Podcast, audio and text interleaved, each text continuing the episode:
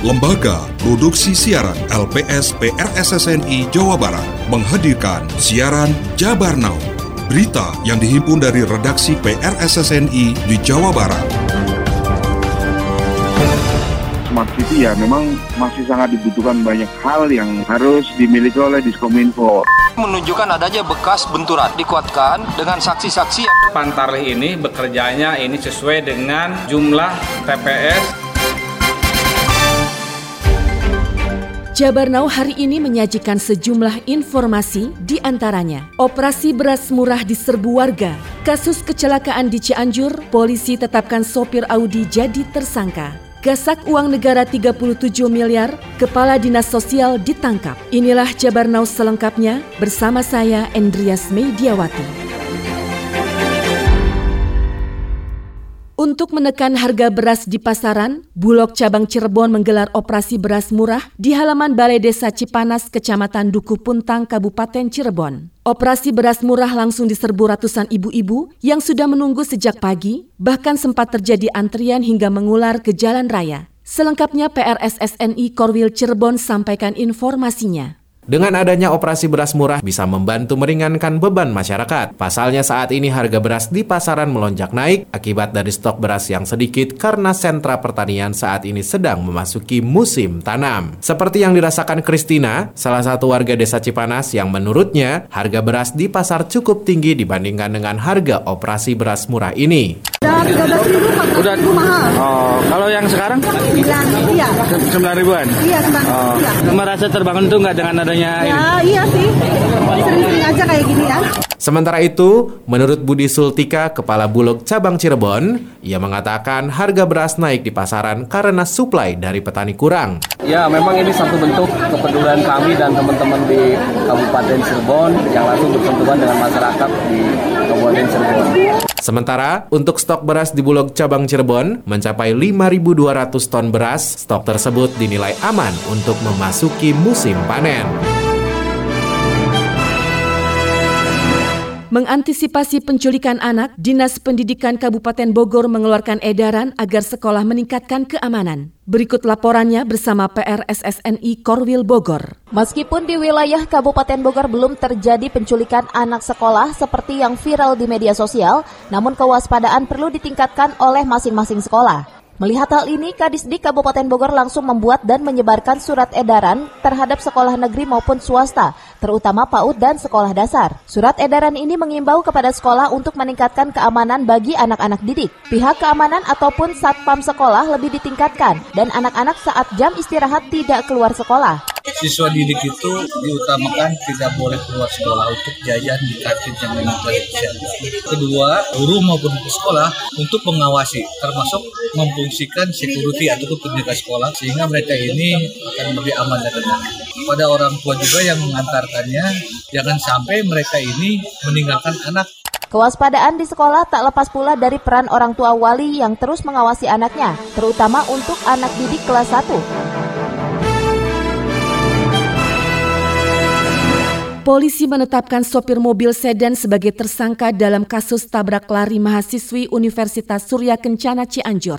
Liputan bersama PRSSNI Korwil Bandung. Kepolisian daerah Jawa Barat bersikukuh bahwa sopir mobil sedan Audi Sugeng Guruh Gautama Legiman 41 tahun adalah yang menabrak Selvi Amalia Nuraini 19 tahun, mahasiswi Universitas Surya Kencana Cianjur hingga meninggal dunia. Kabid Humas Polda Jabar, Komisaris Besar Polisi Ibrahim Tompo mengatakan penetapan status tersangka terhadap Sugeng Guruh Gautama Legiman yang merupakan pengemudi tabrak lari tersebut berdasarkan keterangan dari sejumlah saksi-saksi serta adanya pembuktian pembuktian scientific investigation dengan menggunakan metode laboratorium forensik termasuk adanya dukungan dari olah TKP yang dilakukan oleh tim Inavis. Dengan kata lain, penetapan tersebut tidak berdasarkan subjektif atau asumsi pribadi dari pihak penyidik. Menunjukkan adanya sobekan di bagian bawah bumper sebelah kanan dari mobil Audi hitam tersebut, pelindung dari mesin, menunjukkan ada sobekan. Juga kita periksa sebelah kanan depan dan juga belakang kanan. Ini menunjukkan adanya bekas benturan. Dikuatkan dengan saksi-saksi yang memang melihat kejadian bahwa Audi tersebutlah yang menabrak tersebut. Saat ditanya mengenai adanya informasi bahwa Sugeng dipaksa dijadikan sebagai kambing hitam dalam kasus tabrak lari tersebut, Kombes Ibrahim Tompo menambahkan pihaknya siap menampung berbagai informasi yang dapat mendukung dalam pengungkapan kasus tersebut. Terima kasih Anda masih mendengarkan Jabar yang disiarkan serentak di radio anggota PRSSNI se-Jawa Barat. Saudara, Kepala Dinas Sosial Kabupaten Sukabumi Harun Al-Rashid ditangkap Kejaksaan Negeri lantaran diduga terlibat kasus SPK bodong di Dinas Kesehatan Kabupaten Sukabumi tahun 2016 saat ia menjabat Kepala Bidang Pengendalian Penyakit dan Penyehatan Lingkungan. PRSSNI Korwil Sukabumi sampaikan liputannya.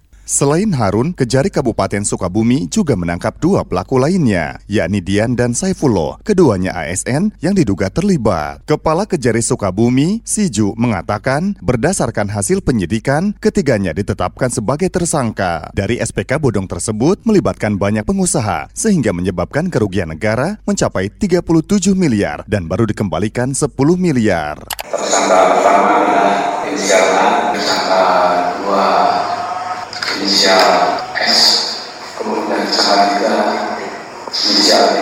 Pasca ditangkap, ketiga pelaku tersebut menjalani penahanan selama 20 hari untuk kepentingan lebih lanjut. Ketiga tersangka dijerat pasal 2 dan 3 Undang-Undang Pemberantasan Tipikor. Anggota Komisi 2 DPRD Kabupaten Bekasi Himawan Abror mengatakan pihaknya mendukung apa pun langkah dari Pemkap untuk memberikan pelayanan untuk masyarakat dalam hal ini pelayanan digitalisasi. Selengkapnya bersama PRSSNI Korwil Karawang. Anggota Komisi 2 DPRD Kabupaten Bekasi, Himawan Abror mengatakan, Diskom Info Standi harus konsisten menjadikan Kabupaten Bekasi sebagai smart city, sehingga masyarakat bisa dengan mudah mengakses tentang informasi pelayanan, kebekasian, dan lainnya seperti konsep dari first line of defense bahwa memang teknologi informatika ini adalah menjadi first line of defensive bagi masyarakat secara luas Kominfo dalam hal ini penting untuk menjadi kekuatan yang yang memang tidak bisa ditawar kebutuhannya untuk saat ini bahwa ke depan ini Kominfo harus benar-benar kuat. Pertama kali defensif bagi masyarakat ketika ingin tahu tentang kebekasian atau ingin Bekasi seperti apa. Smart City ya memang masih sangat dibutuhkan banyak hal yang harus dimiliki oleh Diskominfo. Komisi Pemilihan Umum KPU se-Indonesia melantik serentak petugas panitia pemutakhiran data pemilih Pantarlih di setiap desa dan kelurahan Minggu 12 Februari 2023 termasuk di kawasan Priangan Timur. Selengkapnya bersama PRSSNI Korwil Priangan. Di Kabupaten Ciamis, KPU setempat menerjunkan 3.939 petugas pantarlis secara door-to-door tersebar di 27 kecamatan. Mereka disambut baik warga karena bisa terdata dalam data pemilih dengan baik dan bisa berpartisipasi pada perhelatan pemilu 2024 nanti. Seperti disampaikan Anang Permana, warga Kelurahan Ciamis yang juga Ketua DPRD Kabupaten Ciamis yang telah didatangi Pantarli. Saya menyambut baik, mudah-mudahan Pantarli ini bisa dilaksanakan dengan dengan tepat waktu dan tepat sasaran. Ketua KPU Ciamis Sarno Maulana Rahayu mengatakan Pantarlih melakukan coklit atau pemutakhiran data pemilih dengan DP4 data penduduk potensial pemilih pemilu. Petugas Pantarlih ini bekerjanya ini sesuai dengan jumlah TPS 3939 di Kota Banjar, sebanyak 609 petugas Pantarlih telah dilantik di 25 desa dan kelurahan. Menurut Ketua KPU Kota Banjar, Dani Daniel Muklis, jumlah petugas itu sama dengan jumlah TPS pemilu 2024 yang ada di wilayahnya. Daniel menyebut usai pelantikan dilanjutkan dengan apel siaga dan BIMTEK dari PPS kepada petugas Pantarlih. Dengan dimulainya petugas Pantarlih melakukan coklit, Daniel mengimbau masyarakat di Kota Banjar untuk mempersiapkan dokumen-dokumen pendukung untuk coklit. Kepada seluruh warga masyarakat Kota Banjar jika nanti para petugas kami mendatangi rumah masing-masing agar untuk disiapkan dokumen untuk. Terima kasih. Anda telah menyimak siaran berita Jabar Now yang diproduksi oleh Lembaga Produksi Siaran LPS PRSSNI Jawa Barat.